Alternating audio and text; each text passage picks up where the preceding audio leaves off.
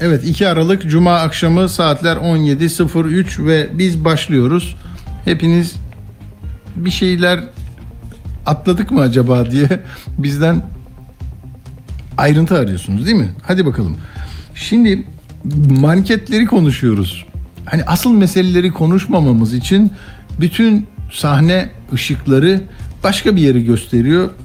Ama biz karanlıkta kalan tarafları da daha meraklı gözlerle tarıyoruz.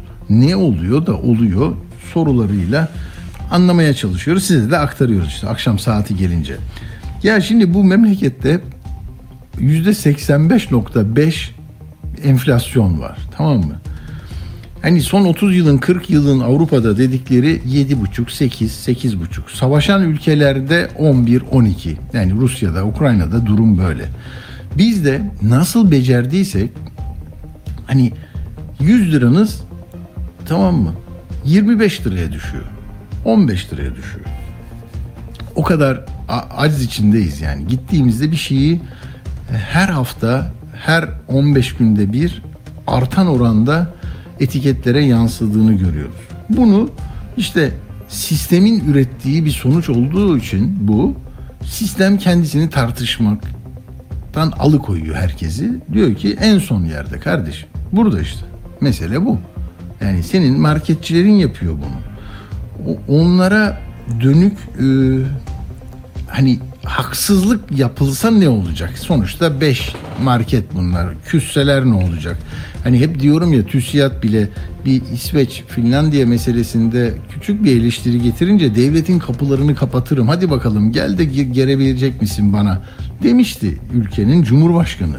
Dolayısıyla e, ne olacak üç harfli en yoksul kesimlerin, orta sınıfların daha da aşağıda e, bir şey yok işte. Oraya gidip kutularıyla dizilmiş marketlerden en ucuzunu bildikleri için oraya gidiyorlar zaten. Adamın cirosu onun için artıyor. Pahalıya kim gider?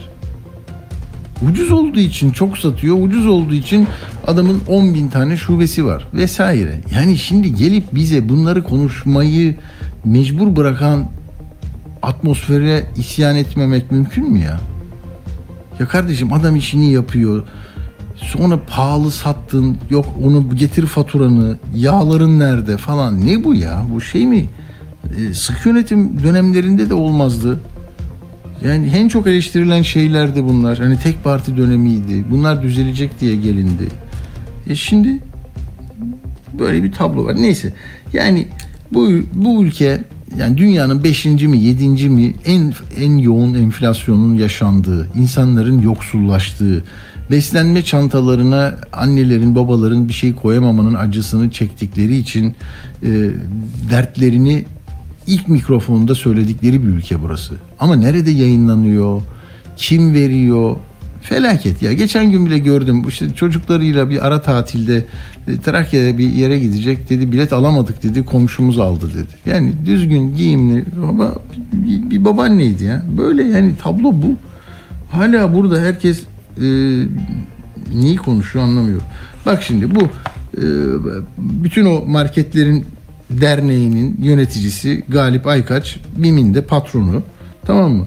O konuştu dün. Çok uzun verdim biliyorsunuz. Bugün mesela halka haber vermekle sorumluluk e, alanı bu zaten bunun. Hani bu, bu, bu haberi vereceksin. Yok kardeşim. Yani e,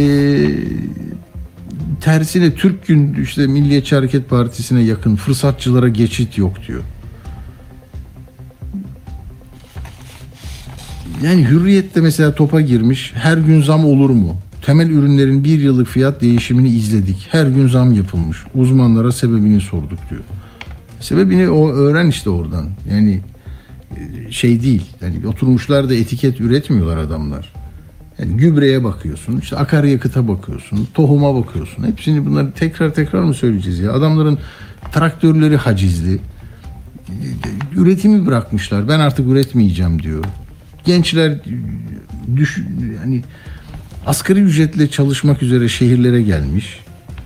Böyle bir karambolden siz de zamlı fiyatları öderken işte güvenlik güvenlikçi politikalar tamam mı abi? Vur vur öldür tamam mı? Hani bu maçı alacağız başka yolu yok diyor. hani bir de ne derler hani neyse çok ağır laflar söylerler de biz bırakalım şimdi sporu futbolu Ee, yani demek istediğim şu bakanlar zabıtalar işte rekabet kurulları hepsi bunların burnunu sürterek hani zararına satış yapmaları isteniyor ki şu seçimi alalım. Tarım kredi kooperatifleri de bu amaçla e, hani sayıları 500'den 2500'e getirildi. Devlet imkanlarıyla yapılıyor. Şimdi e, oraya gittik onu söyleyeceğim bak çok enteresan ama şunu e, belirteyim önce. E, şimdi neler konuşuldu biz bunları düzeltiriz dendi. Bak 2019'da soğuk depo, depolama yapacağız, soğuk taşımacılık yapacağız dedi Berat Albayrak. Tamam mı? Ee, ve böylelikle işte e, hangi zincirin halkasındaki kurum kişilerden hangisine kadar görevlerin, tanımları, marjların belirlendiği bir network oluşturacağız. Hepsi geride kaldı ya. Hepsi laf olarak duruyor da yine siz tanzimi yok tarım kooperatifi üç harfli marketi konuşur hale geliyorsunuz. Ama o cevap hani o kadar cesur ifadelerin yer aldığı böyle bir dönemde böyle ifadelerin yer aldığı bir metni kolay kolay onlar kaleme alamaz. Ama demek ki bıçak kemiğe dayandı dediler. Çok ağır lafları vardı iktidara, valilere, belediyelere, Bahçeli'ye. Şimdi MHP de diyor ki ahlaksız, edepsiz, hortumcu diye. Ya böyle bir şey olur mu? Yani Semih Yalçın açıklama yapmış. Artık amansız hasmıyız. Enflasyonun ateşi düşme eğilimindeyken diyor. Bak ateşin düşme eğilimi 85.5. Yani düşme dedikleri geçen Aralık'ta 11 diye şimdi 6 olursa yarı yarıya düştü diyeceğiz. Baz etkisi bu. Yani oradan düştü tantanaları yapılacak bu ülkede. Döviz kuru yatay seyir izlerken hangi yatay ya? Nebati Bakan ne dedi? Artık gidecek yeri yok. Bitti burası dedi. 14 küsürdü. Şimdi ne kadar? Bak yazıyor orada. 18.63. Yani durduğu yerde bile 4 lira artmış. Neyse işte ona kızıyorlar. Böyleyken nasıl zam yapıyorsunuz diye. Bak diyor ki akıllarınca halkı infiale ve kaosa sevk ederek iktidarı düşürme planları yapan fiyat terörü yaratan FETÖ yanlısı siyaset. Ya bak bu ülkede ticareti iktidardan bağımsız gerçek gerçek verilerle yaparken fiyatlar yüksek görünüyorsa tamam mı? Sen bittin abi. Sana böyle diyorlar. Sen Gezi Parkı'na gidip bir şey anlattığında sen Sorosçu oluyorsun, terörist oluyorsun. Boğaziçi Üniversitesi'nde öğrenciler bir şey yaparsa böyle oluyor. İBB'yi başka bir siyasi parti kazanırsa onlar da teröristleri içeriye alan İGDAŞ'a işte İSKİ'ye terörist yerleştiren bir yapı oluyorlar. Seçimi kazandılar adamlar. Aa bütün bilgisayarlardaki verileri indiriyorlar dediler mahkemeye koştular ya. Yani düşünsenize başka ülkenin işgal kuvvetleri geldi bu İstanbul'da 4 sene kaldı. Ona benzetiyorlar yani böyle bir çalışma tarzları var e, arkadaşların. Peki yani bu, bu dememiz o ki e, MHP böyle dediğine göre yani ülkücü kuruluşlar falan belki marketlerin önüne de gidebilirler. Mümayiş yaparlar. Dandun şey yapabilirler yani. Her istediklerini yapabilirler. Medyada da yok. Orada da böyle şey var. Peki biz ne yaptık biliyor musunuz? Ee, Arda daha önce de gitmişti. Tarım kooperatiflerine, tarım kredi kooperatiflerine hani iktidarın işaret ettiği oraya gitmeyin buraya gidin bak ne kadar güzel buraları dediği yer. Enflasyonun yüzde 85 olduğu bir memlekette onların ne yapacağını yani zarar etmek için çıkıyorlar yola da Tamam da zararın da bir şeyi var. Sonunda belki yargılanırlar adamlar. Kolay değil ki. Tarım tarım kooperatifi bunlar ya. Yani tarımla iştigal eden insanların ortaklaşa bir e, şeyi yapısı bu. Neyse bakın şimdi size söylüyorum. Tarım kredide soğan 1 kilo 9.75. 15 Ağustos'ta da gitmişiz biz 7.95. 4 aylık artış %22.5. O şeyin e, marketi bu konuşmaları yapan Galip Bey'in marketinde de 9.90. Yani görüyor musunuz ya? 75 975 990. Tamam bu kadar işte ucuzluğu. Hadi git oraya da bas. Tarım krediyi de FETÖ'cüde. Böyle bir şey olabilir mi? Patates 1 kilo. Tarım kredide 9.50. BİM'de artık adı konuşan Galip Bey'in BİM'i işte. 9.90. 40 kuruş fark var. Pirinç 1 kilo. Tarım kredide 36.90. 15 Ağustos'ta gitmişiz 4 ay önce. 25 TL'ymiş. 4 aylık artış %48. Tamam mı? BİM'de de 34.50. Bak 1 lira 50 kuruş falan fark. Tarım kredi ikinci kalitesi ona geçmeyeyim. Kırmızı mercimek tarım kredide 23.50 15 Ağustos'ta da aynı fiyattaymış. BİM'de de 22.50.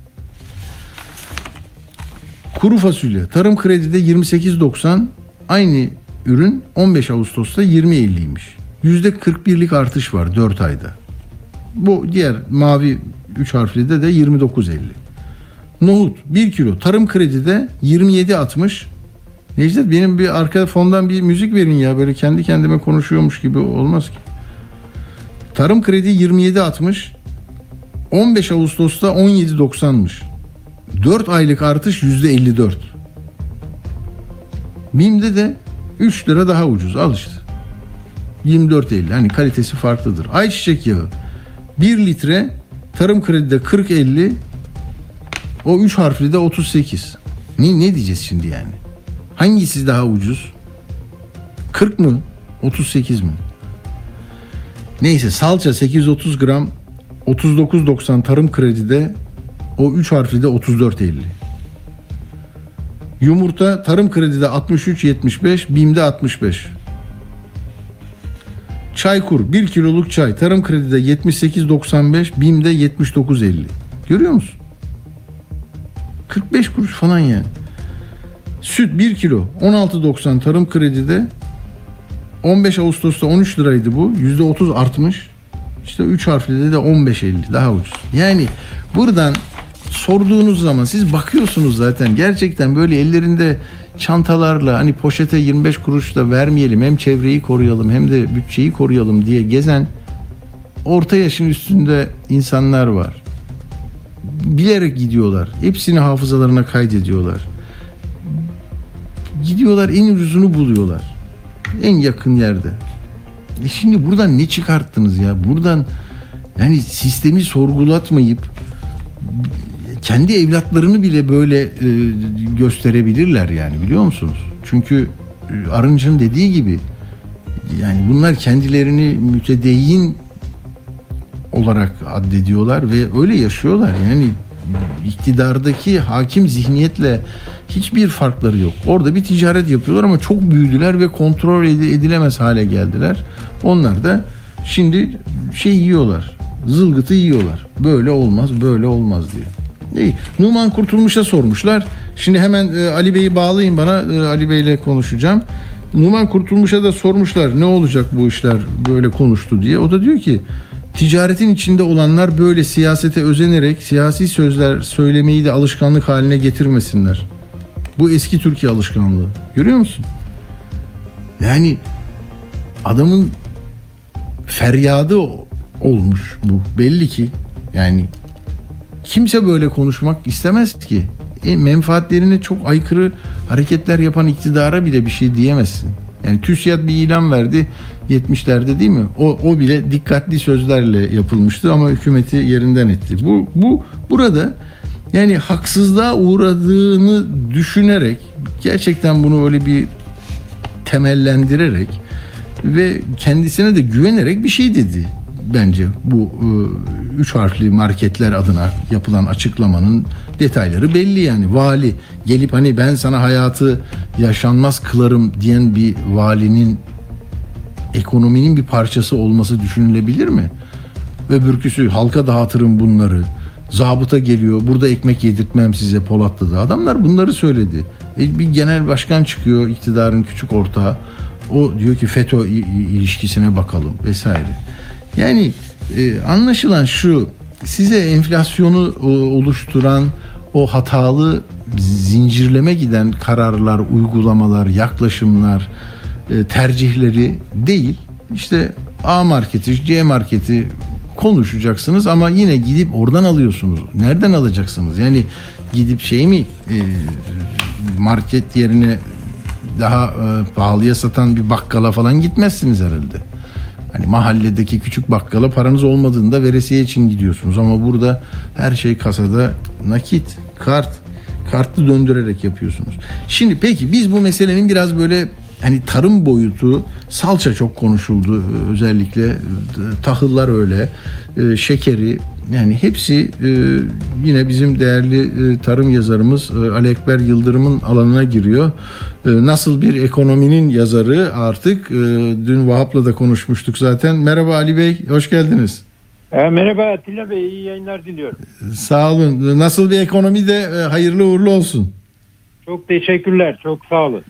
Tabii ki. Şimdi ne diyorsunuz? Biz bunu enine boyuna dün de böyle uzun uzun konuştuk. Daha önce A Haber'deki bir haberi de çok uzun değerlendirmiştik. Yani enflasyon nedeniyle fiyatların kontrol edilemez hale geldiği bir tablo var. Ama biz marketteki etiketleri konuşuyoruz. Ee, sizce bu fiyat etiketlerinin bu kadar hızlı değişmesine yol açan nedir? Tabii ki öncelikle ben hani tarımı da yakından izlediğim için ben Tabii. işin tarla tarladan Tabii. başladığını düşünüyorum. Yani zaten e, hani diğer araştırmaları bir yana bırakalım. Devletin resmi kurumu Türkiye İstatistik Kurumu biliyorsunuz her ay işte hem girdi fiyatlarını açıklıyor, üretici fiyat endeksini açıklıyor, birçok veri açıklıyor. Tabii. Bunların hepsine baktığınızda zaten hani ortada bir sorun olduğu kesin. Yani mesela en son Eylül ayı 2022 tarımdaki girdi fiyatlarını açıkladı. TÜİK'e göre. Ya, yani evet. gübre fiyatı gübre fiyatı yüzde 226. Mazot yüzde 193. Hayvan ya. yemi yüzde 145. Zira ilaçlar yüzde 110. Tohum ve dikim materyali yüzde 99 artmış. Yani toplamda ise tarımsal girdi fiyatları yüzde 138 artmış. Şimdi ya. tarımda yani üretim yaparken kullandığınız girdiler yüzde 138 artmışsa bunun e, sorumlusu olarak gelip etikete bakıp ya bu etiketler niye bu kadar yüksek diye e, birilerini suçlarsanız veya sorumlu ararsanız burada bir yanlışlık var demektir zaten. Hani bu Şu. benim söylediğim şu an girdi fiyatları bir de üretici Hı-hı. fiyatları var. Yani üretici bu girdilerle üretim yaptıktan sonra tarımsal ürünlerin e, bir üretici fiyat endeksi var. Buraya bakıyoruz. Yine Ekim ayında yıllık yüzde 163 artmış. Yani Değil daha mi? üreticideyken bu yüzde 163 artmışsa bunun tüketiciye geldiğindeki e, hani e, o nakliye olsun, lojistik olsun, Hı-hı. diğer enerji maliyetleri olsun, Bunları hepsini kattığınızda yani ortada bir sıkıntı var. Evet ciddi bir fiyat artışı var.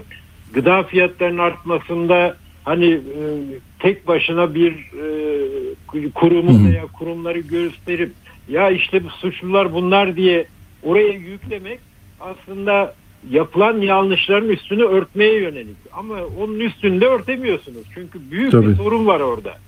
Ya biraz önce siz söylediniz işte domatesle ilgili, salça ile ilgili ya. Avru, Avrupa'dan Türkiye'ye çok ciddi bir talep var.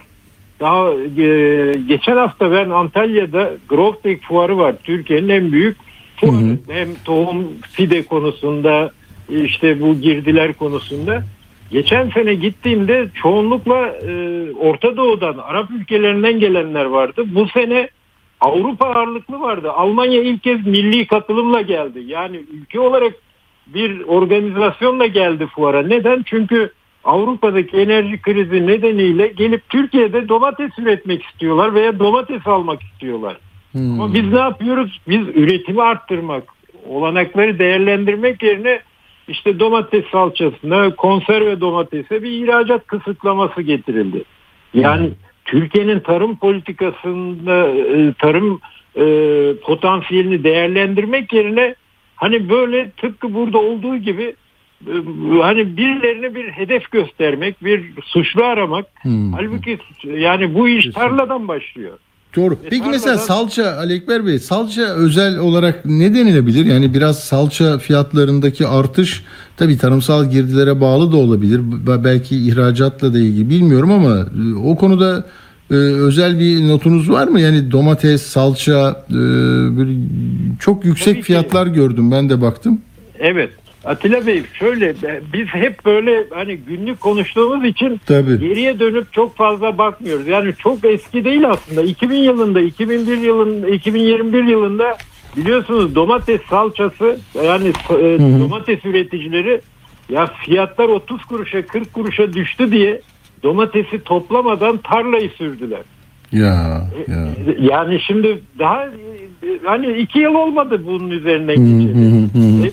Bu kadar fiyat düşünce üretici domates, salçalık domates ekiminden vazgeçti. E, bu sefer üretim azalınca fiyatlar yükseldi. E, bir yandan da yurt dışından da çok ciddi bir talep var. E, bunun üst üste gelince işte dediğim gibi yani e, tarlaya baktığımızda ya daha önce domates rezil olmuş, para etmemiş. Üretici bundan vazgeçtiği için üretim azalmış, üretim azaldığı için fiyatlar yükseliyor. Dolayısıyla salça fiyatı da Hı, bundan kaynaklı. Aynı patates de böyle olmadı mı? Elinde kalıyor herkesin Tabii. 20 kuruşa veremiyor, kurtlanıyor, depolayamıyor. Sonra patates 10 liraya çıkıyor. Çünkü niye herkes Tabii. ekmekten vazgeçiyor değil mi? Böyle şey, plansızlık mıdır? Nedir bu?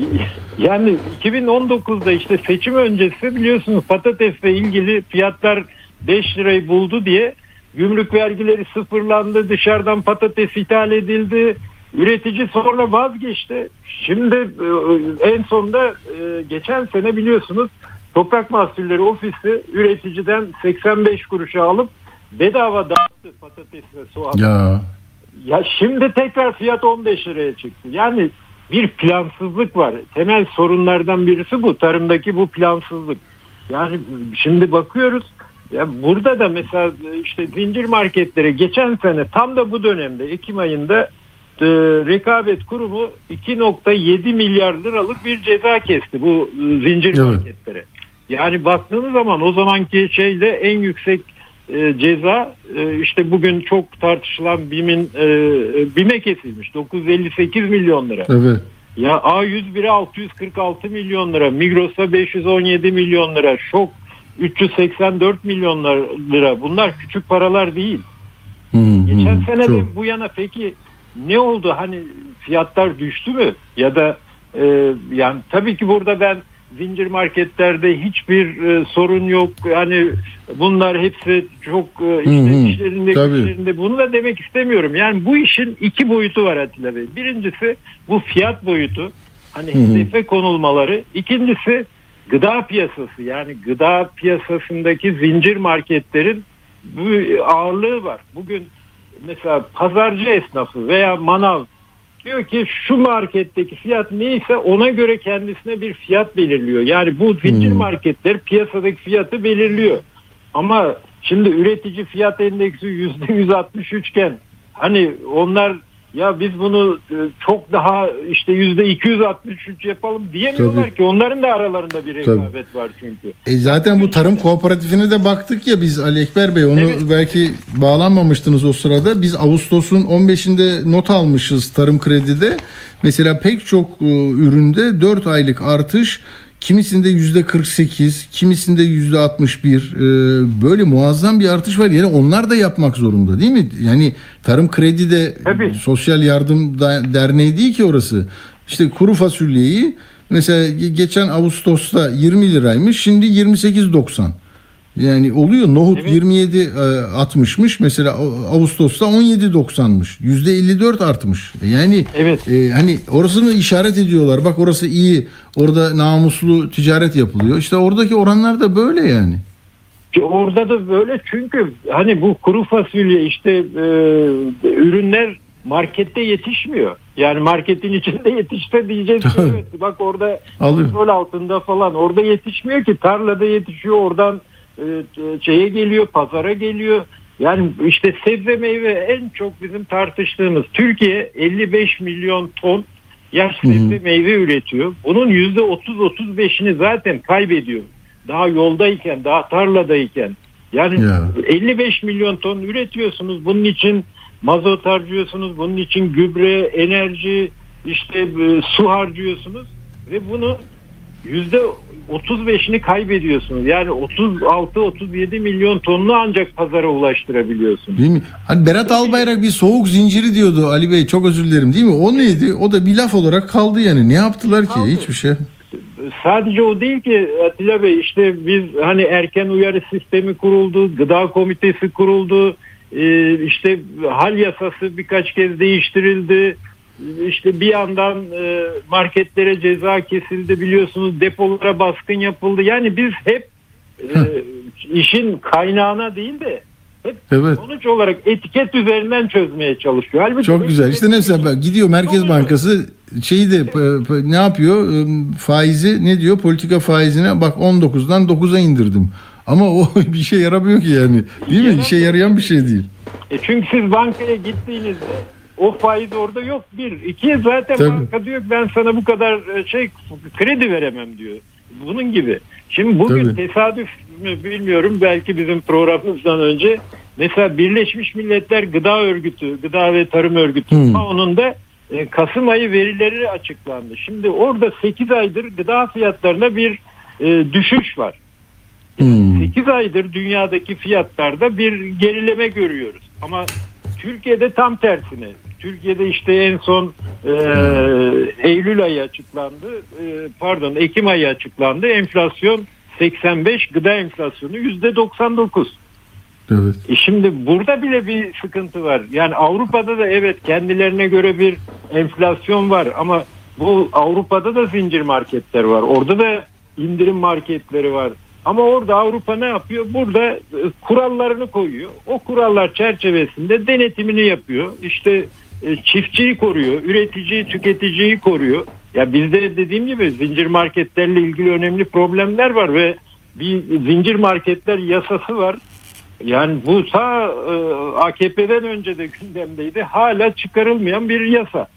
Niye çıkarılmaz? Evet. Hani niye çalışma bu konuda yapılmaz? Benim ben birkaç kez Gıda Perakendecileri Derneği yani bu zincir marketlerin oluşturduğu bir çatı hı örgütü. Onların toplantılarına da katıldım. Orada kendilerine de söyledim. Dedim ki ya bu keşke e, gıda fiyatlarındaki artışın sorumlusu bu marketler olsa hepsi e, Sayın Cumhurbaşkanı'yla da çok yakın insanlar. Hani bir telefon ya ne yapıyorsun indirin bu fiyatları dese indirecekler belki de. Ya da kayyum, kayyum, ata, kayyum atasınlar.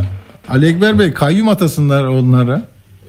Yani kayyum yönetsin. O kadar, o kadar e, şey ki yani burada e, şunu da belirtelim. Biraz önce tarım krediyi söyledim. Mesela tarım kredi kooperatiflerin işi marketçilik değil mesela. Ya. Yani Atatürk e, kurucu ortağıdır tarım kredi kooperatiflerin. Temel görevi çiftçiye uygun fiyata tarımsal girdileri, işte makinayı ya. tedarik etmek.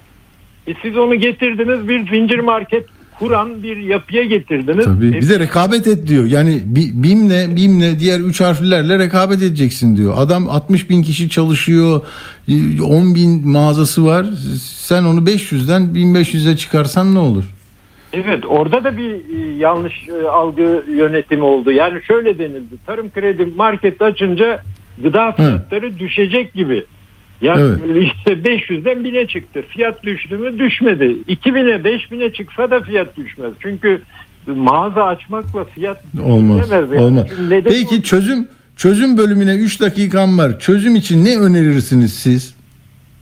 yani biz böyle etiketleri değil de yarın evet. olmasa bile hani seneye öbür seneye her şeyin daha düzgün olduğu denetlenebilir ve öngörülebilir bir tarım politikası için ne yapsınlar?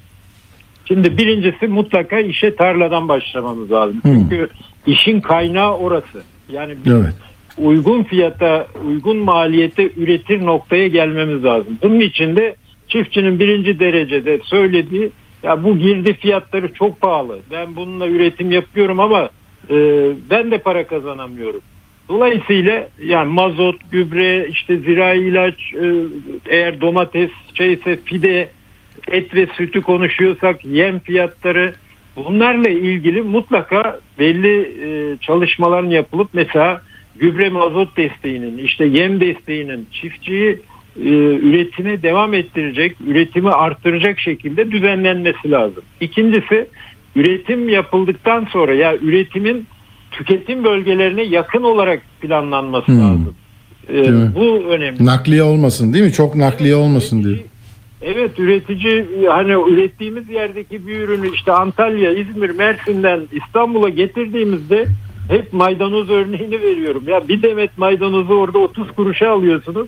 İstanbul'a getirinceye kadar bu 4-5 liraya çıkıyor ve biz aslında kamyona taşımaya para Tabii. veriyoruz. Maydanoza vermiyoruz. Yani doğru, bunun planlanması doğru. lazım.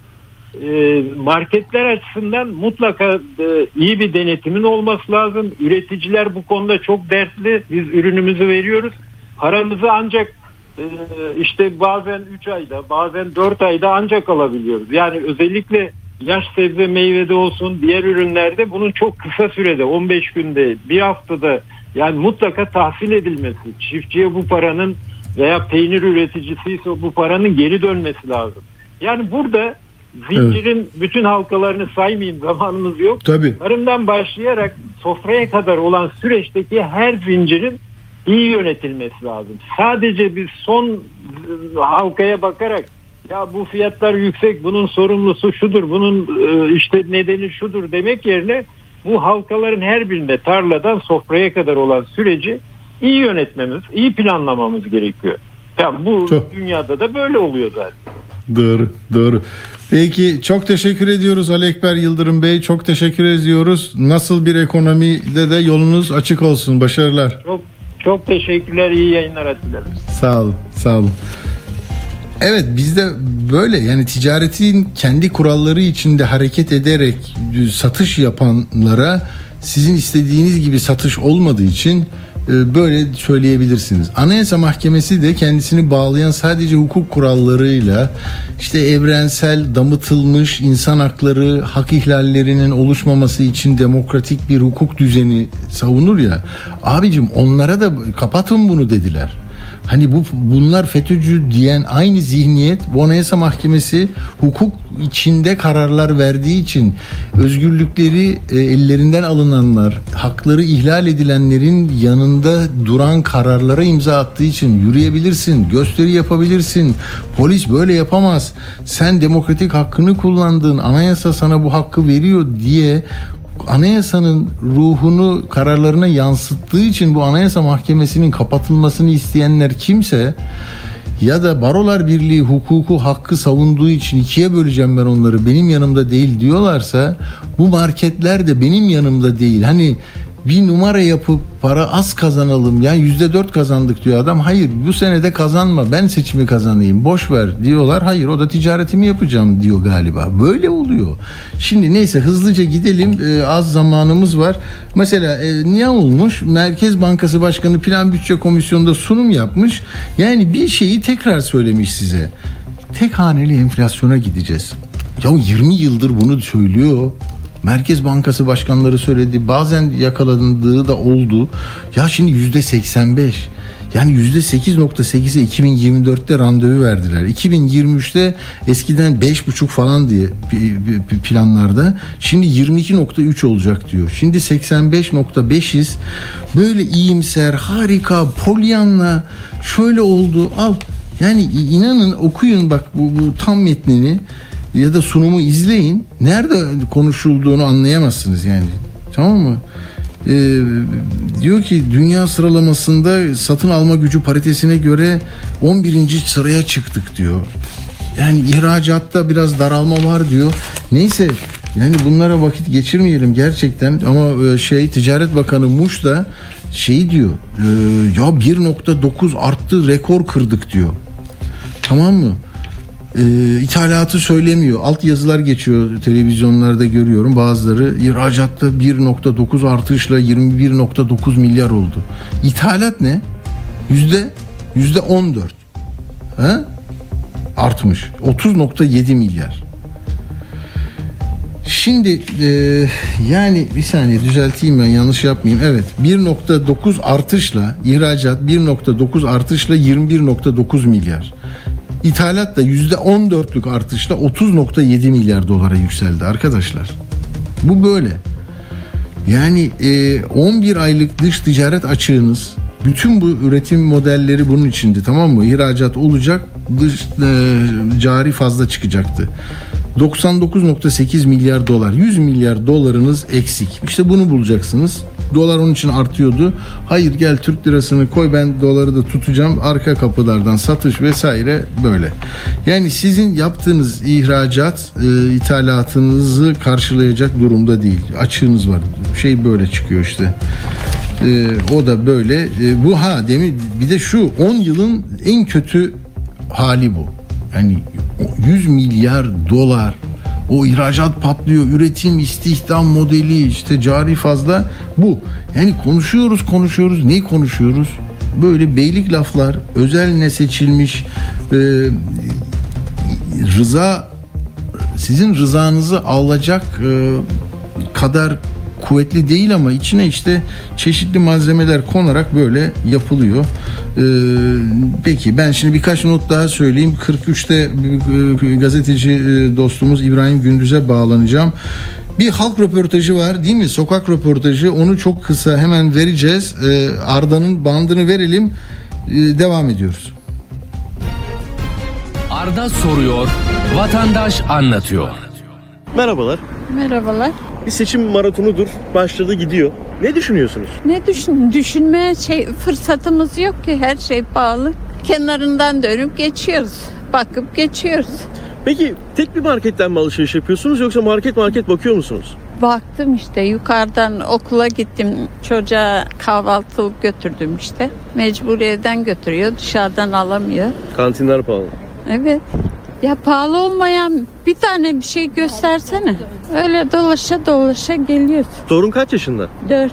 Torunu şöyle bir elinize alıp şöyle bir dolaştırıp bir şeyler alma şansınız oluyor mu Boş ona? dolaşıyoruz. Bana yürüyüş olsun diye. Markete girip ona bir gofret çikolata. Hayır hayır nerede? Üç buçuktan aşağı tatlı bir şey kalmadı ki. Bir tanesi üç buçuk. Evet böyle hızlıca devam ediyorum. Babacan da iş dünyasına seslenmiş. Türkiye tek kişiden ibaret değil diyor. Bir de Babacan'a kulak verelim. Şöyle bir iktidar olacağımız görünsün. Memlekete inanın akın akın yatırımlar başlayacak akın akın. Şu kriz havasında 6 ayda dağıtacağız. Kimseyi aç ve açıkta bırakmayacağız. Yatırım yapmak konusunda endişeli olan iş insanlarımıza seslenmek istiyorum. Türkiye'den vazgeçmeyin. Biz buradayız biz. Sonuna kadar buradayız. Bu ülke için çalışacağız. Biz burada olduktan sonra bu ülkenin umutsuzluğa kapılmasının hiçbir gerekçesi yok. Bu ülke 85 milyonuyla Avrupa'nın en genç nüfusuyla, Avrupa'nın en geniş tarım arazileriyle çalışkan ve metanetli milletiyle burada. Bu ülke tek kişiden ve onun etrafında kümelenmiş çıkar gruplarından da ibaret değil. Türkiye çok büyük ve çok güçlü bir ülke. Türkiye'den vazgeçmeyin. Bu karanlık tünelin ucundaki ışığı artık hep beraber görüyoruz. Devalı yıllarda özgür ve zengin bir Türkiye göreceğiz hep beraber. Adil bir Türkiye göreceğiz. Evet şimdi hukukla ilgili birkaç notum var onları söyleyeceğim hızla. Ee, yani tabii bu da ona dair bir şey. Urfa'da bir toplantı yapmak istemiş e, şey Gelecek Partisi değil mi? Demiş ki valilik 21 Kasım'dan 5 Aralık'a kadar şehirde 15 gün yasak demiş. Ya sonra o 5 Aralık'ta bitecek ya 3 Aralık'ta burada vizyon açıklaması var. Onun için mi öne alındı ne oldu bilmiyorum. Şanlıurfa'da Erdoğan AK Parti adına yer istemiş. Yani hayır denebilir mi? 15 gün yasaktı. 3 Aralık'ta toplu açılış diye e, halledilmiş. Şimdi Davutoğlu onu söylüyor. E, e, yani olur mu diyor ya. Özgürlük size yasaklar bize mi? Bu da geçer yahu demiş. E, başka e, birkaç notum daha var demiştim. Onu da söyleyeceğim. İşte ha CHP'lilerin bu yarınki e, tabii vizyon meselesi önemli. Bakalım pazartesi günü biz bunları ele alırız. Tabii Özgür Demirtaş'la bir yemek yemiş çok popüler bir isim, iktisatçı. Orada ne var ne yok onu da anlamaya çalışacağız. Ee, şimdi Demirtaş'ın Kobani davasından yargılanıyor. Bunun biliyor musunuz bu dava çok hızlı bitirilecek gibi galiba. Çok hızlı. Yani yıllar sonra açıldı dava. Ama e, o kadar hızlı görülüyor ki mesela ayda e, 10-15 günlük duruşma günleri veriliyor ve yargılama hızlıca gidiyor. Demirtaş çok enteresan şeyler söylemiş. Ee, diyor ki savcı bunu hızlıca bitirmek istiyor. Seçime endeksli gibi görünüyor diyor. Davaya dair hedef süreyi geçtiniz mi? Önünüzde ne var? Seçim olabilir mi? Ee, yapmayın diyor. Böyle hızlı gidiyor zaten. 15 gün duruşma yapıyoruz her ay. Nedir bu e, telaşınız diyor. Ee, Erdoğan siyasi ideolojik olarak sizin genel başkanınız mı diyor. Aranızdaki hukuki fiili işbirliği mi var diyor. Karşınızda Türkiye'nin 3. büyük partisinin yönetim kadrosu var. Savcı cübbesi giyip oradan bize parmak sallayamazsınız ee, diyor. Sonra diyor diyor ki e, bir, bir ilginç bilgi bu. Geri adım beklemeyin bizden diyor. Bana Öcalan'ın yerine geçme teklifi yapıldı. Benden küçük bir Öcalan çıkarmaya çalıştılar. Biz biziz, Öcalan Öcalan'dır diyor. Ee, Ben diyor halkın siyasi temsilcisi olarak parlamentoda çözüm aktörüyüm diyor. E, Çok enteresan. HDP koalisyon kurmayı kabul etseydi bunlar başınıza gelmezdi diyorlar diyor bize 7 Haziran'dan. Hayır diyor. Ta e, çözüm süreci bitti demişti Erdoğan 3 Nisan 2015'te.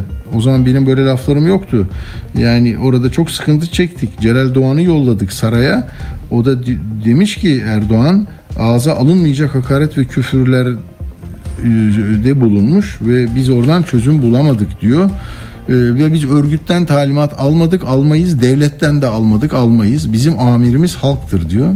Saçma sapan dosyaya dair mahkemesi hiç değilse geri kalan arkadaşlarımızla tahliye değerlendirmesi yapsın diyor. 17 tutuklu var burada 108 sanıklı malum oradaki bir şeyiyle hani sokağa çıkın dediği ve e, MYK ile birlikte hareket ettiği iddia ediliyor.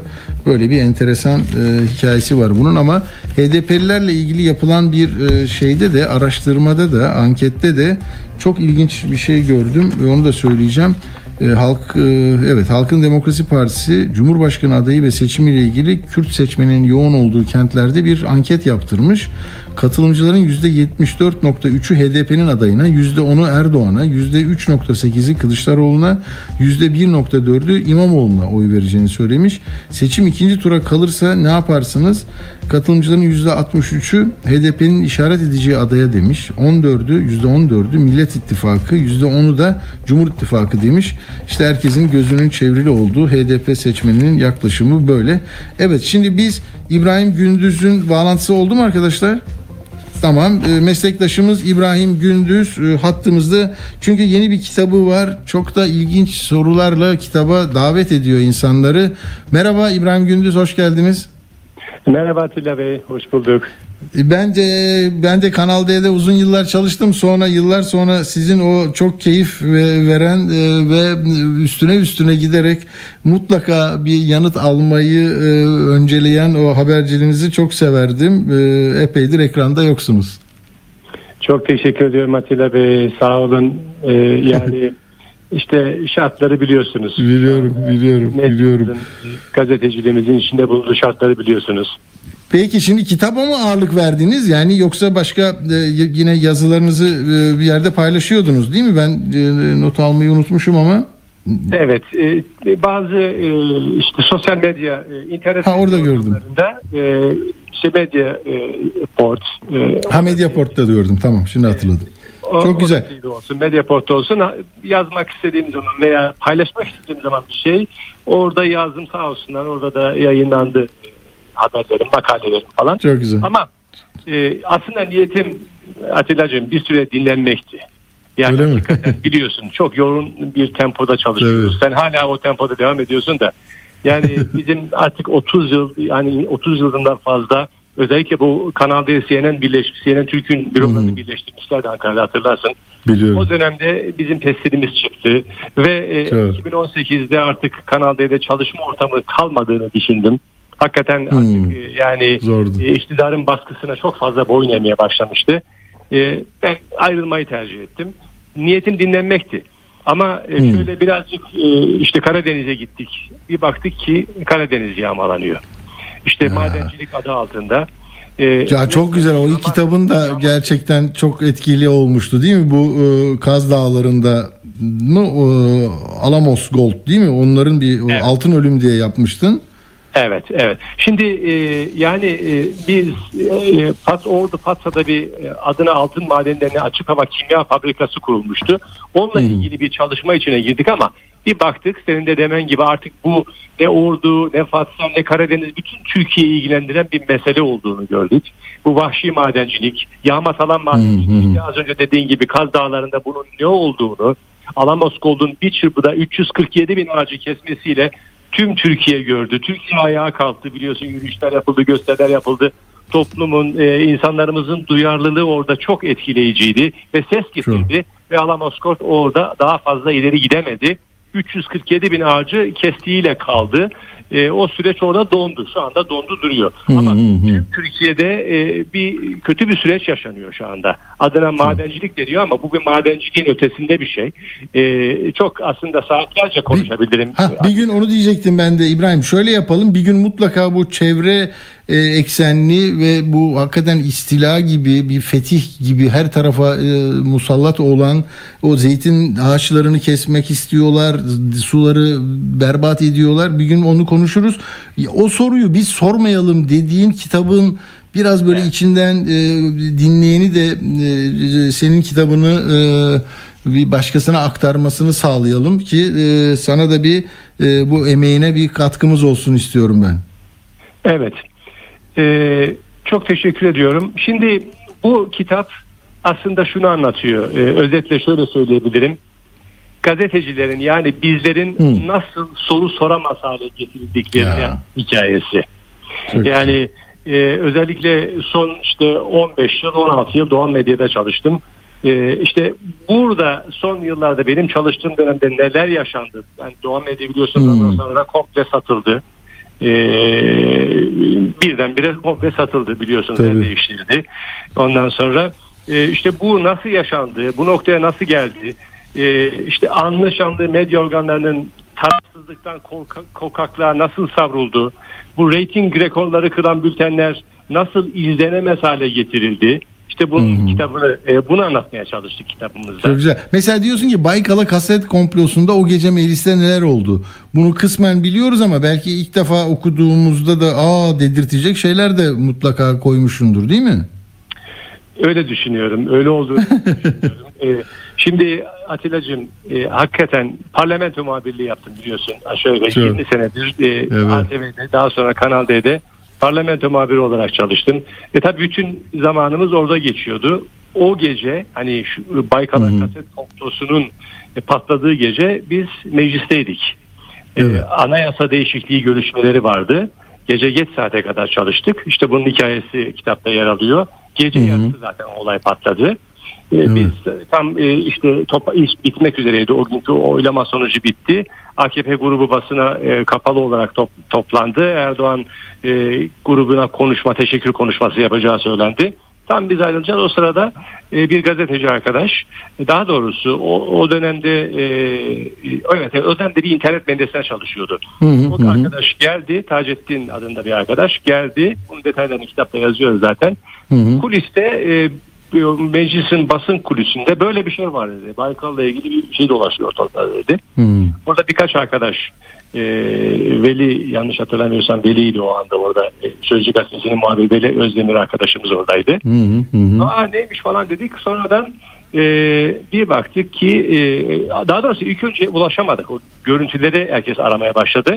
Sonradan şu, e, sonradan da farkına vardık ki e, genel kurul devam ederken de e, AKP milletvekilleri özellikle e, işte ellerindeki telefonlara veya işte bir takım e, tabletlere falan bir şeyler izliyorlardı. Biz onu tam anlayamadık ama meğer orada bir kısmı hmm. e, e, genel kurulda o anda o ek, şey, internete düşen görüntüleri e, izlediklerini daha sonradan öğrendik. E, işte e, çok şeydi hani e, ne denir ona e, e, Türk siyasi tarihinin en e, neden zor günlerinden e, ne bileyim sarsıcı günlerinden bir tanesiydi işte. Daha sonra biliyorsunuz e, yaşanan gelişmeler CHP'de bir lider değişimine kadar e, e, gitti.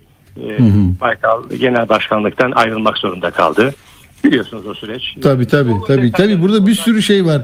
Mesela bu İngiltere'nin Ankara Büyükelçisi Kanal D'den ayrılmana neden olmuş. Öyle mi? O zaman öyle mi olmuştu? Ben haber olmuş muydu bu ya? Bunu hiç hatırlamıyorum ama. Şimdi Belki kitapta mı öğrensinler? Öyle mi istersin sen bil. Şöyle, şimdi tabii ben bunu daha çok oku, dinleyicilerimizin kitaptan okumalarını tercih ediyorum. Tamam. O zaman çok da böyle biraz tadında verelim ve onu o, kitaba ulaşsınlar yani. Şöyle söyleyeyim, e, Richard Moore e, Ankara'daki e, büyükelçilerin gelmiş geçmiş işte büyükelçilerin en renklilerinden bir tanesi. Evet.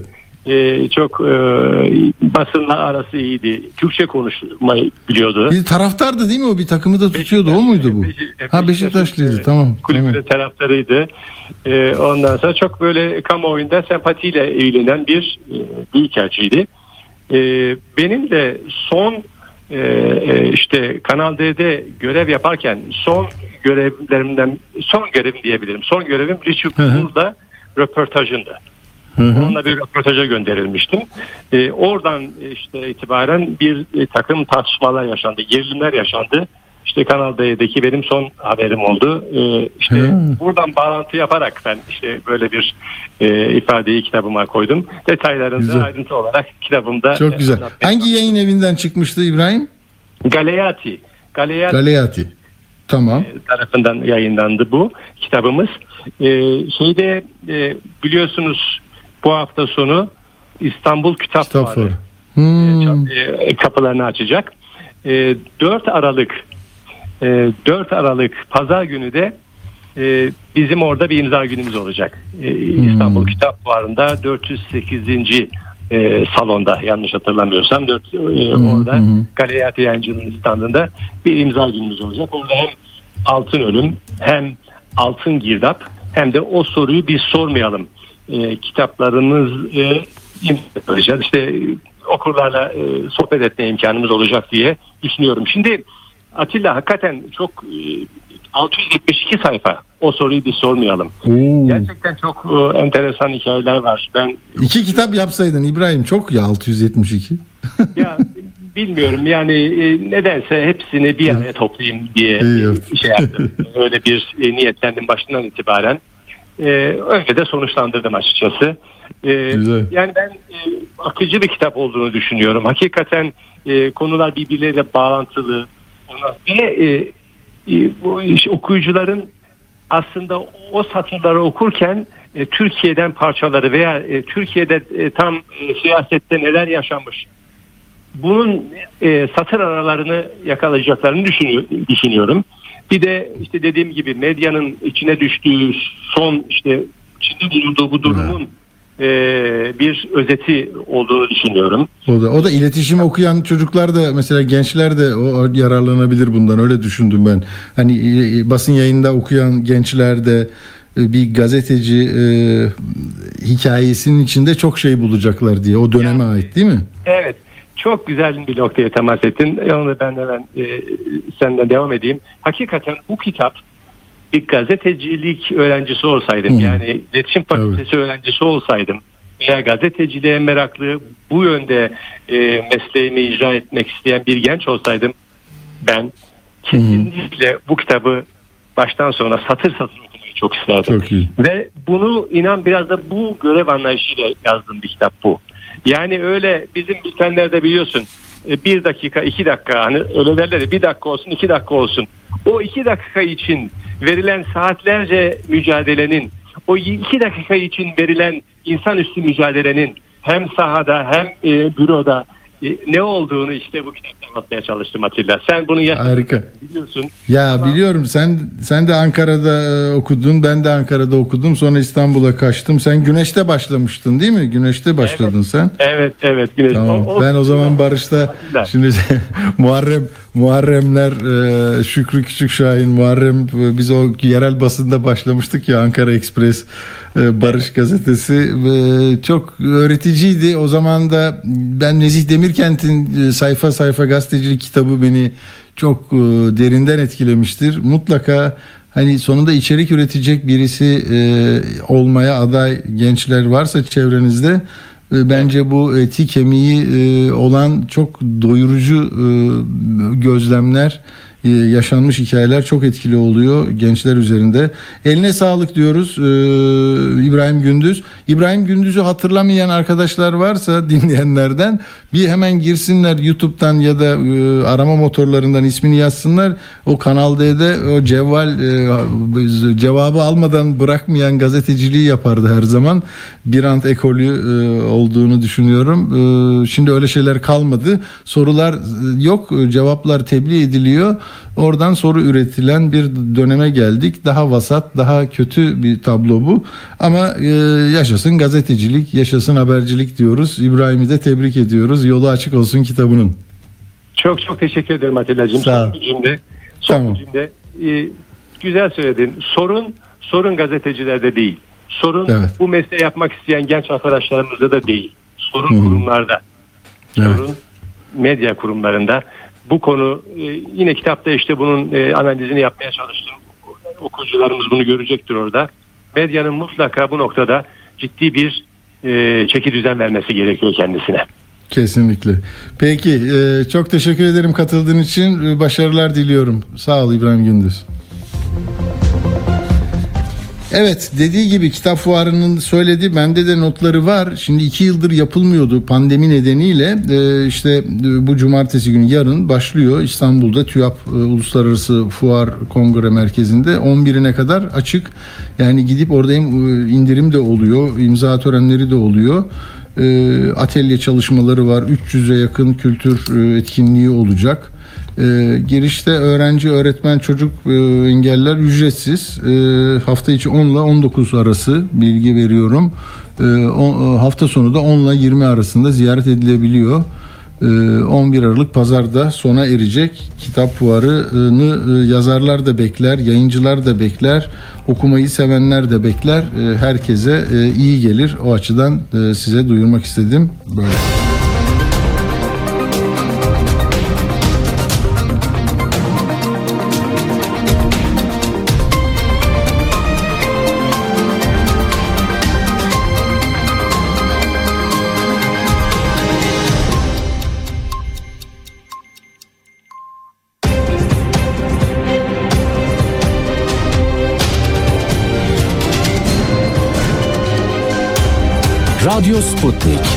Anlatılmayanları anlatıyoruz.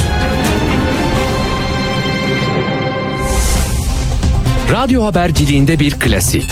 Sorulmayanı soran, haberin peşini bırakmayan tarzıyla bir marka. Atilla Güner'le Akşam Postası, gündeme damga vuran konu ve konuklarla hafta içi her akşam 17'de Radyo Sputnik'te. Evet efendim. Şimdi müzik diyeceğiz. Kitaptan müziğe doğru gideceğiz ve çok değerli bir müzisyenle Moğolların baş gitaristi e, Taner Öngür'le olacağız. Çünkü Taner abi diyeceğim kendisine. Taner abi e, bir albümle e, yeniden merhaba dedi size. Zaten her zaman merhaba diyor. Nerede e, müziğe e, itiraz itiraz etmeye e, niyetli insanlar varsa, müzik dinleyerek e, mesaj e, vermek, almak isteyen varsa orada oluyorlar zaten. E, Taner abi de şimdi hattımızda. Merhaba, hoş geldiniz. Hoş bulduk. İyi akşamlar. Çok teşekkürler. Şimdi e, biraz bu o, diyorsunuz ki 10 yılı aşkın üzerinde emek e, verdiğiniz bir e, şey bu e, albüm. Nereden gelip nereye gidiyoruz?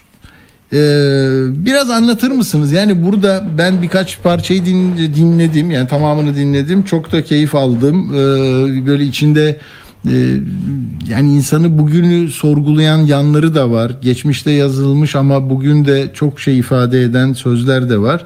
E, nasıl tarif edersiniz siz? Şimdi aslında bu plak long play daha doğrusu long play Ya. olarak çıktı. Tabi dijital platformda da var. Aslında e, bir Nazım Hikmet'in Nereden gelip nereye gidiyoruz isimli uzun şiiri ne yapılmış bir beste. Plan bir yüzü 19 dakika. Öbür yüzünde de Ahmet Hamdi Tanpınar'ın Zaman Kırıntıları isimli uzun şiir. O da 19 küsur dakika. E, tabii dijital platformda bölümlere ayırmak zorunda kaldık. Öyle uzun kimse bugün zamanı yok. Bugünkü dünyada kimsenin zamanı yok uzun şeyler dinlemeye. E, ama tabii öyle dinleyince e, tam mesaj çıkmıyor. Baştan Doğru ben bak onun için Spotify'da dinledim ben. E, hepsinin mesela albümün adını biliyorum. Dedim burada bir şey var ama hakikaten tekrarda e, şey yapamadım size arayamadım. Tam e, belki dedim dinleyicilerin huzurunda konuşuruz daha iyi olur. Nereden gelip nereye gidiyoruz e, şarkısı uzun şarkı. E, doğrultup belimizi kalktığımızdan beri Hı. diye başlıyor. Evet. Oradan başlayıp sonuna kadar giderseniz onlar zaten bir bütün olarak baştan sona çalıyor. Hı hı, ee, evet. Aslında plaktan dinlemek daha keyifli yani. Değil mi? E, Ama plak şimdi var mı Taner abi? O zaman plak var deyince var. şaşırttı mı biraz insanları? Hayır şöyle bir şey. E, 2016'dan beri bütün dünyada plak gittikçe yükseliyor. Hmm. Benim bu işlere girmemin nedeni de şu. Ben e, 2015'te Heybeliada'ya taşındım. Evet. Burası harika, çok sessiz. Burada işte ev stüdyosu kurduk. Davullar, amfiler falan filan. 2017'de e, bir plak yaptım. Elektrik gramofon diye. Az sayıda 250 adet bastık long play. Hı hı. Kadıköy plak günleri yapılıyor 2016'dan beri. E, Eylül aylarında veya Ekim ayında. Hı hı. Orada daha ilk gün 180 tanesi satıldı mecburen hmm. 250 daha bastık. Şimdi şöyle bir şey koleksiyoncular var, meraklılar var. Yani 500 kişilik bir dinleyicim var benim artık bu anlamda. Çok güzel. Çalışmalarında. O elektrik gramofon 1930'ların 40'ların kayıp şarkıları e, hmm. içeriyordu. E, sağ olsun yakın tarihçi Gökhan Akçıra bana bu konuda destek verdi, bilgiler verdi. Sonra 2018'de e, Psycho Ana diye bir şey yaptık. O da kayıp türkülerden oluşan, onları psikodelize ettiğimizi hmm. söylediğimiz ironik bir şey. E, güzel değişik türküler vardı.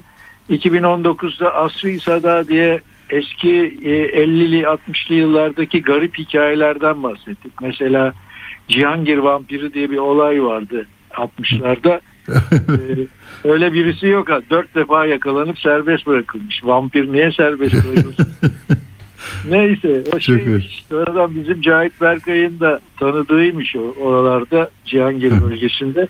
Boyu küçük olduğu için ara sokaklarda akşam işleri karanlıkta zıplayıp kızları boyunlarından öperken yakalanmış. ben de aslında o yıllarda bu şehir efsanesiyle dalga geçmek için bir tekerleme yapmıştım. Cihangir vampiri geliyor yampiri yampiri diye. ben de bunu şarkının nakaratı yaptım. Sonra işte gazete haberlerinden hikayeler falan. Böyle şeylerdi. Mesela evet. Rıfat Tel Gezer, Tel Cambazı, meşhur tel gezer evet. vardı. O ada, adalara da çok gelirmiş. Eskiler çok anlatır onu. Büyük adaya da çok gelirmiş. Ee, Eybeliada'nın yazarı e, neydi ismini unuttum ya. Nejat Bey mi? Nejat Gülen'in kitabında okudum falan. Sonra onunla ilgili bir şarkı yaptım. Hmm. Bu Asri Sada'da bu tip hikayelerle doluydu. Sonra bir enstrümantal albüm. Sonra Serap Yağız'la Anadolu Rock klasikleri. İşte bu sene de bu albüm oldu. Yani her Çok sene iyi. ben kışın adadaki evimde, küçük stüdyomda oturup bunlarla uğraşıyorum.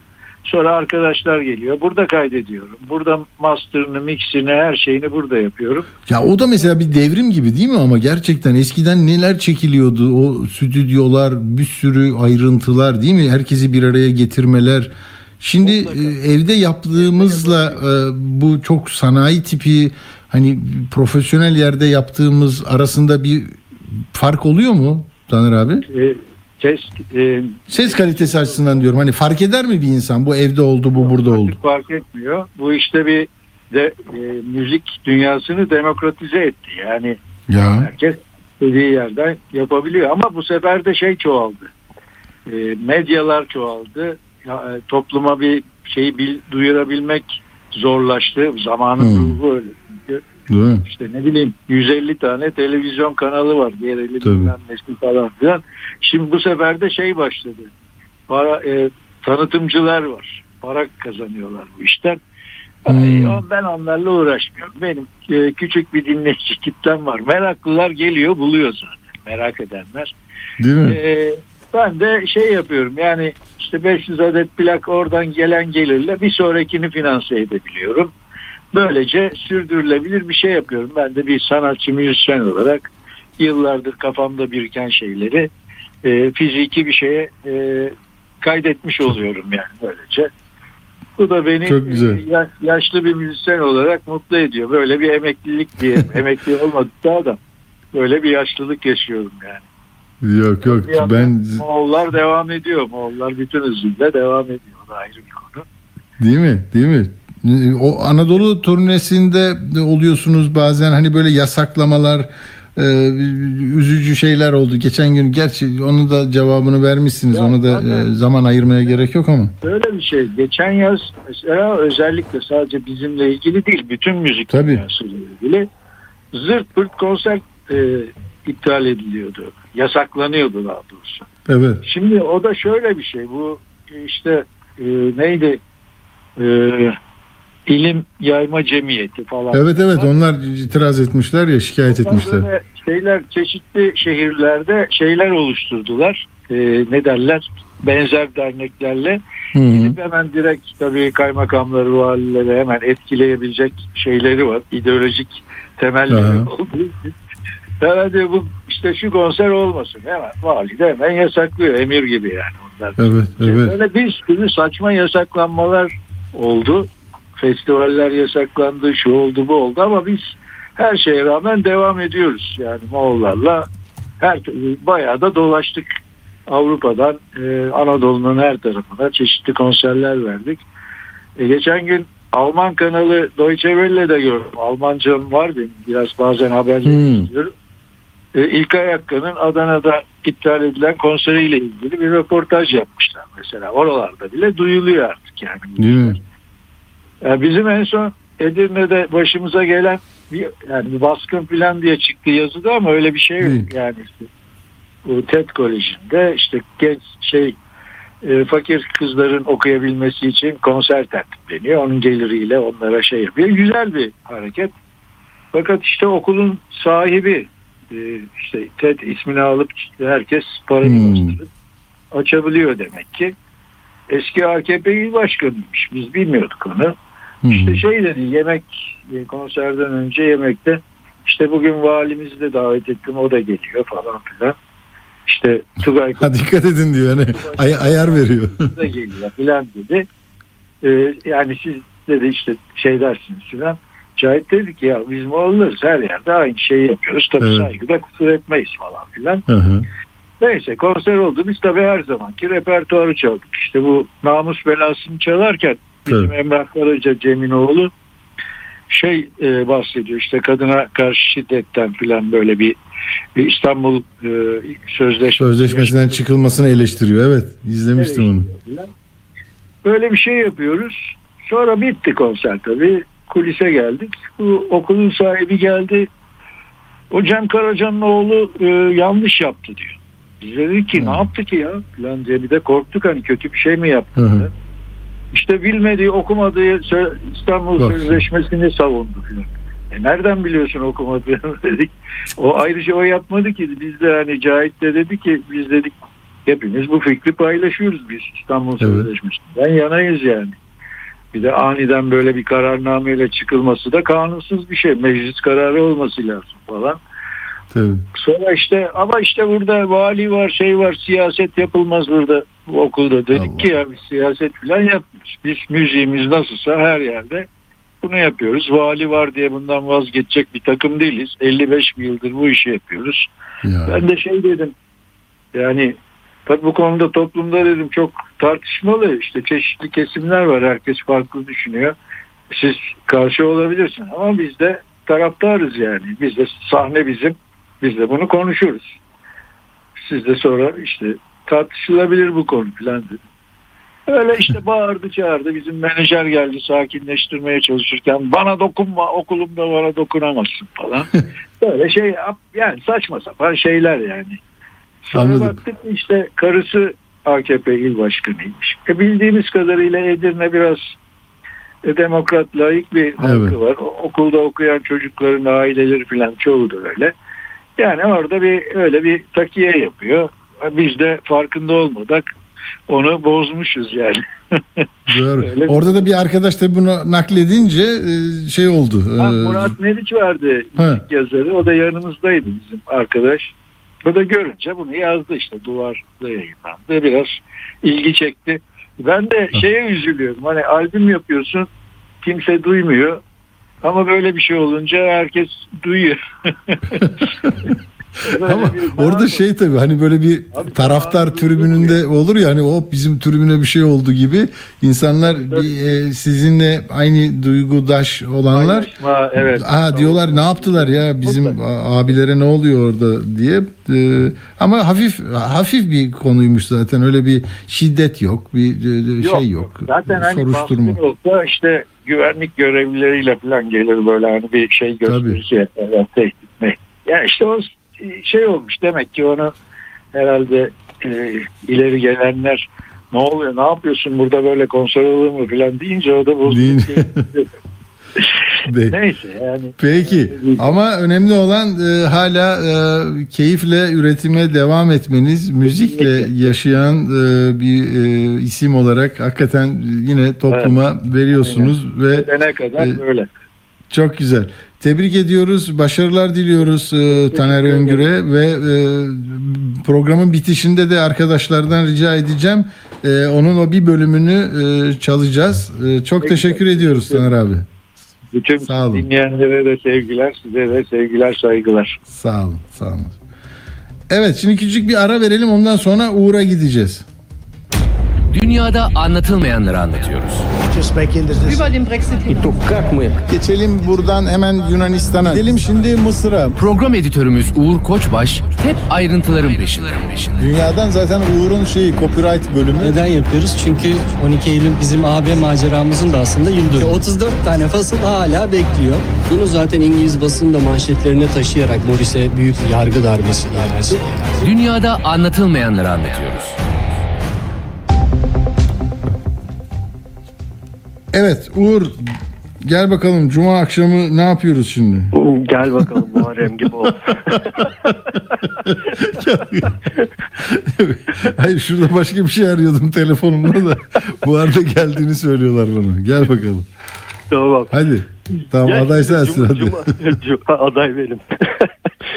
Cuma olduğu için Dünya Kupası'yla başlayayım ben ki biraz yumuşatalım evet. ortamı. Zaten Peki. yumuşak gidiyoruz. Ee, Moğollardan da devam etmiş oluruz. Şimdi e, çok büyük iki sürpriz oldu dün akşam. E, ve hı hı. E, öyle bir noktaya geldi ki ya böyle Dünya Kupası mı olur? Bütün favoriler eleniyor noktasına geldi ve FIFA e, bir e, statü değişikliğine bile gitmek zorunda kalabilir deniyor. Çünkü hmm. E, en büyük favorilerden bir tanesi Almanya, ee, çok da umut vaat eden yine favorilerden bir tanesi Belçika. İkisi birden elendiler dün. Ve e, çok enteresan e, bir e, iki maç oldu. Çünkü hı hı. E, Japonya İspanya'nın 1-0 öne geçtiği maçta İspanya'yı 2-1 yendi ve grup lideri olarak çıktı. Ki Japon futbolu yani öyle e, çok da takip edilen, e, çok da yüksek seviyelerde başarılar elde etmiş bir futbol olmamasına rağmen yani Tsubasa'nın torunları zafer kazandı diye herkes şimdi Twitter'da paylaşımlar falan yapıyor. Ee, İspanya'yı devirdiler. İspanya ki yani hmm. Avrupa şampiyonu olmuş bir takım ee, yani İspanya İspanya yani. Ee, Almanya tabii o da çok büyük sürpriz. Ee, Costa Rica e, hiç neredeyse gol bile atamamıştı, puan toplayamadı ama bir anda e, Almanların karşısında 2-1 öne geçtiler.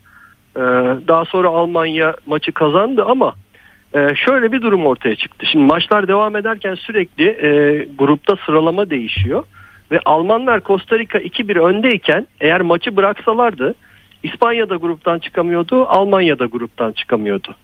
Hı hı. Ama Almanlar maçı kazandılar, e, İspanya'nın gruptan çıkmasını sağladılar. Ama e, İspanya aynı kıya yapmadı. Çünkü e, Son 20 dakika İspanyollar top çevirdiler Japonya karşısında 2-1 yenik olmalarına rağmen. Eğer İspanya Japonya maçını 2-2'ye getirseydi e, iki takım yani İspanya ve Almanya gruptan çıkacaktı. bu sefer Japonya gruptan çıkamayacaktı. Ya. Böyle bir durum oldu. Tabii şimdi İspanyollara Almanların çok büyük tepkisi var. Çünkü son y- 20 dakika boyunca hiçbir şey yapmadınız. E, gol atmamak için elinizden geleni yaptınız. Tabii İspanya'nın da şöyle bir hesabı var. E, o 2-2'ye getirmedikleri için e, sıralamada ikinci sırada çıktılar. Japonya birinci sırada çıktı ve e, eşleşmeleri Fas'la oldu. Şimdi Fas'ı birazcık daha böyle kendi dişlerine göre bir rakip olarak gördükleri için onu tercih ettiler ve o golü atmadılar diye. Yani bir Hmm. e, şike gibi bir durum söz konusu oldu. Şimdi Belçika'da çok büyük bir hayal kırıklığı. Çünkü e, herkesin böyle altın nesil dediği e, işte Lukaku'su, Hazard'ı, Mertens'i, işte Kevin De Bruyne gibi oyuncuları olan e, çok gençlerden kurulu bir takım E, ve üçüncü oldu grubunda Hırvatistan'la 0-0 berabere kaldı ve çok büyük bir tabii hayal kırıklığı var Belçika'da. Hazin veda diyorlar, altın neslin sonu diyorlar, büyük acı diyorlar bugün Belçika gazetelerindeki başlıklar. Ee, o da e, turnuvanın büyük sürprizlerinden bir tanesi oldu. Almanya bu arada 2018'de de Dünya Kupası'nda en benzer bir son yaşamıştı. 2014'te Hmm. dünya şampiyonu olmasına rağmen gene gruplardan çıkamamışlardı. Şimdi FIFA e, bir değişikliğe gidiyor iddiası var. E, 32'den 48'e yükseltecekler 2026 Dünya Kupası'nda. E, Üçerli takımlardan 16 e, grup olacak ve daha böyle geniş ve daha büyük takımların e, böyle erken zamanlarda elenmesini engelleyecek bir uygulama olacak deniyor. Bugün işte grup aşamasının son maçları oynanıyor. Kamerun, Kamerun, Brezilya, Sırbistan, İsviçre, Gana, Uruguay, Güney Kore, Portekiz. Şu an Portekiz 1-0 önde. Gana, Uruguay maçı 0-0 devam ediyor.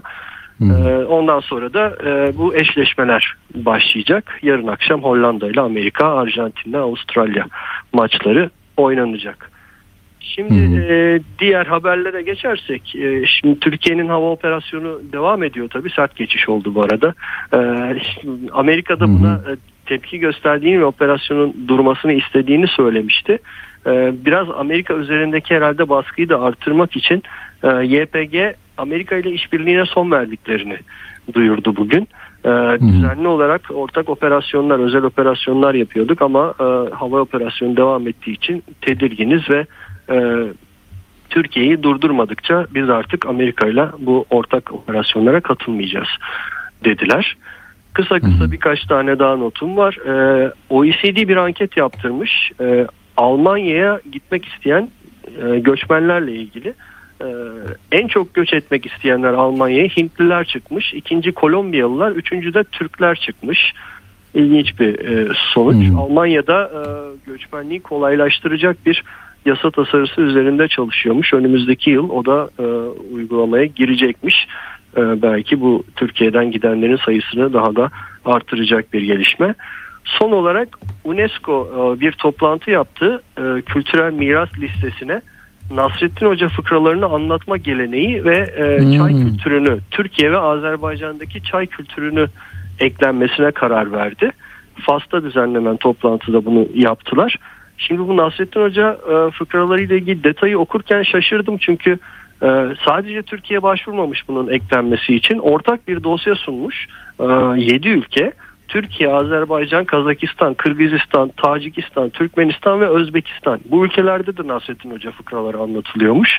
Hı. Ve o yüzden pardon ortak bir dosya sunulmuş ve e, Nasrettin Hoca fıkralarını anlatma geleneği ismiyle UNESCO Kültür Mirası listesine girdi.